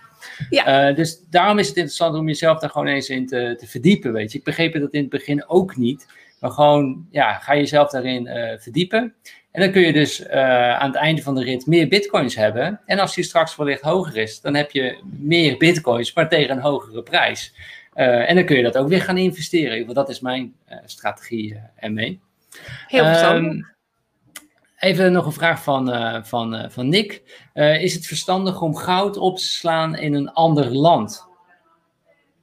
Um, ja, dat is een goeie. Ik uh, zit zelf bij een partij die, uh, die goud opslaat in uh, Zwitserland, Frankfurt en Amsterdam. Je kan dan kiezen in welke plek je dat wil doen. Um, doorgaans is het zo dat het BTW-voordelen kan hebben op het moment dat je goud of zilver of platinum, is het volgens mij wat ze nog weer hebben, als je dat opslaat in bijvoorbeeld Zwitserland of in Frankfurt. Um, maar het kan ook bijvoorbeeld voordelen hebben over op het moment dat de overheid goud gaat uh, terughalen, een terugroepactie doet onder de Nederlandse burgers, dan is het fijn dat je goud in Zwitserland staat. Want dan zou de overheid eerst aan Zwitserland moeten vragen of dat überhaupt mag. En dat kan heel lang duren. Dus je zou, uh, je zou er allemaal uh, bepaalde tactieken om toe kunnen passen, zodat ze niet jouw goud kunnen terughalen. Er zijn wel eens uh, terugroepacties geweest in Amerika, waarbij ze hebben gezegd, nou, we gaan opnieuw herstelprocedure in. We gaan die recovery fase in. En we hebben daar geld voor nodig. En iedere burger die goud heeft, dat naar ons toe brengen. Doe je dat niet, dan ga je de gevangenis in. Um, zover verwacht ik niet dat het op dit moment komt. Want zo'n goud terugroepactie, dat valt samen met een verbod op goud. Um, maar er was ook heel lang een verbod op, uh, op bankrekeningen in Zwitserland en die zijn er ook nog steeds. Dus uh, ik denk dat het, dat het verstandiger is om, uh, om goud in een ander land te hebben en dan met name Zwitserland, dan om dat in Nederland op te staan. Wat wel goed is om te weten, want de partij waar ik bij zit, daar wordt vaak dan over gevraagd van hé hey Madelon, uh, waarom slijt ergens anders op? Wil je het niet liever in je handen hebben? Wil je het niet liever fysiek hebben? Ik voel me daar zelf niet, niet helemaal uh, comfy bij, niet helemaal prettig bij. Puur om het feit dat ja, als er hier kilo's goud in huis ligt, dan ja, ben je gewoon een target. En dan willen mensen dat graag bij je weghalen. Nou, van daarom ligt er hier in huis niks. Het ligt dus ergens anders. En als je niet naar Amsterdam. Nee, nee, kom niet naar Amsterdam. nee, als je dus uh, in een kluis hebt bij bijvoorbeeld de Nederlandse bank, uh, of bij een andere partij, dan hebben die daar ook weer toezicht op. Je weet nooit wat daar kan gebeuren. En die kluiseigenaar is onafhankelijk. Dus ik ben juridisch op papier altijd eigenaar. Als het bedrijf failliet gaat, als de kluiseigenaar failliet gaat, dat goud is van mij. En ik kan zelfs zeggen, rij het naar mijn huis toe. Ik wil, uh, ik wil het toch graag hebben en ik begraaf het de tuin, bij wijze van spreken. Uh, die mogelijkheid is er. Maar ik vind het in eerste instantie het prettigste om het lekker in het buitenland te hebben, omdat het gewoon wat minder makkelijk zichtbaar is en wat minder makkelijk terug te roepen valt. Mooi. Ik zie nog uh, twee vragen en dan uh, gaan, we, gaan we afsluiten, Madelon. Ik vind deze van uh, Franciscus ook nog wel interessant. Als je bij een centrale bank geld zou kunnen neerzetten en kan sparen, dan heb je nog steeds met inflatie te maken. Het is dan toch eigenlijk alleen maar centralisatie. Hoe kijk jij daarnaar? Ja, dat klopt inderdaad. Als je geld bij een centrale bank stelt, dan is er nog steeds inflatie. Uh, dus dat is ook een soort van verkapte belasting. Maar je hebt bijvoorbeeld niet te maken met het feit dat je bankkosten moet betalen. Of met het feit dat je uh, negatieve rente moet betalen. Of dat een bank om kan vallen, want de centrale bank kan niet omvallen. Uh, ja. Je hebt dan ook geen depositogarantiestelsel. Maar het kan wel zijn dat als je meer dan 100.000 euro aan te goede hebt staan bij een, een commerciële bank, dan is het toch wel prettig dat het bij een centrale bank staat. Want die kan niet omvallen. Zo simpel is het. Je krijgt er ook geen rente voor. Uh, je hoeft geen rente te betalen. Um, en ik denk dat, dat zo'n optie erg prettig kan zijn voor mensen die meer dan 100.000 euro hebben, waar je toch zorgen over maakt op het moment dat de, de banken instabiel zijn. Ja, en hoe kijk je daarna van Madelon? Uh, inflatie is toch juist goed? Ja, deze vraag ja, alleen maar over is inflatie inderdaad erg goed. Want die schuldenlast die gaat minder drukken. Uh, uh, waar ons vermogen minder waard wordt. Kijk, een overheid heeft altijd een begrotingstekort. En heeft altijd, bijna altijd, een staatsschuld. Uh, bijna altijd een begrotingstekort. En op het moment dat die staatsschuld oploopt, ze moeten daar wel rente over betalen. Dus het is voor hun heel duur om schulden aan te houden. En je wil niet dat een land failliet gaat. Dus wat ze dan doen, is ze zorgen voor die inflatie, omdat daardoor het geld minder hard drukt, minder zwaar drukt. Dus het, stel dat nu de rente omhoog zou gaan, uh, of de deflatie haar intrede zou doen, dan gaan er nou, het overgrote deel van de overheden in Europa gaan failliet. Die gaan kapot. En dat wil, wil een, een, een partij niet. Dus vanuit dat perspectief is inflatie heel erg goed. Maar voor ons als burgers, en wij werken heel erg hard en we hebben zuurverdiend centjes die we op de spaarrekening zetten. En we zien ineens dat het fruit 10% duurder geworden is en het vlees 8% duurder geworden is afgelopen maand ten opzichte van vorig jaar. Ja, dat is, natuurlijk, dat is natuurlijk niet leuk. Voor de mensen met schulden is het heel fijn. Ik heb ook wel eens geroepen, misschien moet je, eh, ik denk dat het een jaar of vier geleden is, misschien moet je gewoon een hypotheek nemen en dat geldt gewoon voor je, voor je later werk. Maar natuurlijk, beleggen met geleend geld is nooit verstandig. Maar vanuit het inflatieperspectief uh, is het wel een ding. Het is echt een discutabel iets, omdat schuld gewoon minder waard wordt. Nou ja, wij hebben het dus wel gedaan. Wij hebben dus hier in Spanje een Spaanse hypotheek genomen op ons huis. Uh, En we verhuren dat huis. Uh, ja, door de verhuurinkomsten komt er meer binnen dan we moeten betalen aan de, de hypotheek, zeg maar. Ja, uh, precies. En, en, en, ik had het geld niet. Ik heb het geld geleend. Dus het, het, het is in die zin, ja, leven we in een gekke wereld. Ja. Um, is dat schulden eigenlijk beloond worden. Dat, is natuurlijk heel krom. Dat is eigenlijk heel gek, is dat. Uh, en en nou, we, zijn er, we lopen er nu ook tegen aan van ja, hoeveel geld kan er nog bijgeprint worden? Hoeveel schulden, meer extra schulden kunnen we nog aan? Hoe lang beginnen we dat, uh, vertrouwen we dat systeem nog natuurlijk? Ja, alles valt of staat met vertrouwen. Ja, uh, Madelon, ik wil je echt super bedanken voor uh, alles wat je hebt gedeeld in deze live show. Het is voor mij ook een stuk helderder geworden. En ik denk ook voor de kijkers hoe geld echt bijgeprint kan, kan worden. hoe inflatie wordt, ja, ook wel een beetje mee wordt gesjoemeld met de mandjes. Dat we denken dat het 2% is. Maar op de inflatie op fruit in Spanje was het 11%. Um, ik denk dat er veel ogen wakker zijn geworden. En dat we gaan kijken, oké, prima, dit is er aan de hand, dit, dit gebeurt er. Um, en hoe kunnen we daar slimmer mee omgaan? Um, ja, doe je technische analyse, zou ik ook zeggen. Ga kijken of je naar goud gaat, of naar zilver, of naar bitcoin, of naar vastgoed. En ook wat cash houden. Hou dat ook gewoon, uh, uh, gewoon aan. Maar alleen cash, dan ga je achteruit. Weet je, dat, dat moet je beseffen. Alleen cash is het ook niet. Het is die spreiding wat eigenlijk je risico verkleint en wat je een hedge kan zijn ten opzichte van de, de inflatie.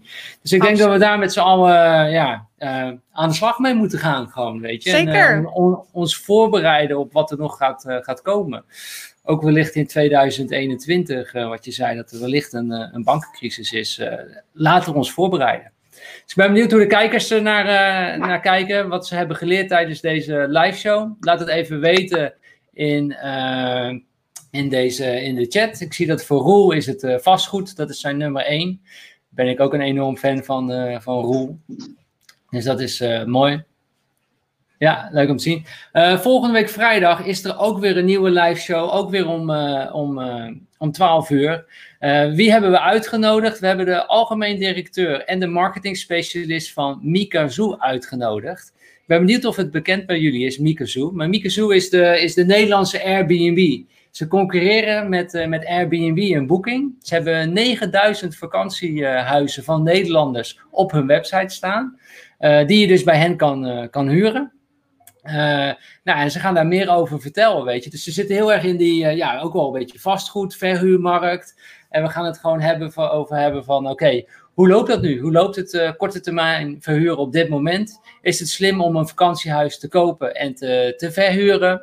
Uh, welke landen zijn slim om dat in te gaan, uh, gaan doen? Is het gewoon een slimme investering voor ons om in uh, vakantiehuizen te gaan, gaan zitten? Dus ze komen langs bij ons, we kennen ze goed. Wij staan zelf ook met ons Malaga Beach House ook op de Mikazoo website. Um, ook wat leuk, ze, zijn, ze hebben flink geadverteerd vorig jaar op tv. En ze hebben dat hele budget nu overgezet naar sociale media marketing. En zetten daar nu volledig op, op in. En denken daar een, uh, een veel beter rendement op te, te, halen. Dus daar gaan we het ook over hebben. Ze doen hele slimme dingen ook on online. Dus dat uh, allemaal in de volgende Follow Your Wind live show. Volgende week is dat. Dus leuk als jullie er allemaal weer bij zijn. Eens even kijken. Marcel zegt, Madelon, dankjewel. Dus dat is leuk. Frank vond het ook heel erg interessant. Ehm Leuk om te zien. Danny heeft het even over VeChain. Dat is een totaal andere cryptocurrency. Kunnen we het een andere keer eens over, uh, over hebben. Dus ik zie uh, leuke reacties hier binnenkomen, Madelon. Van mensen die het heel interessant vonden. Zeker. Dankjewel voor je, voor je tijd, uh, Madelon. blijf, nog even, blijf nog even hangen. Dan ja. heb, heb ik nog iets voor je. Tof. Heel erg iedereen bedankt. ja, iedereen bedankt voor het kijken. En tot volgende week weer. Ciao, ciao. Dag. Franciscus zegt nog, het was interessant dat inflatie voor schulden gunstig is. Ja, heel interessant inzicht. Mooi om mee af te sluiten. Ciao, ciao. Doei.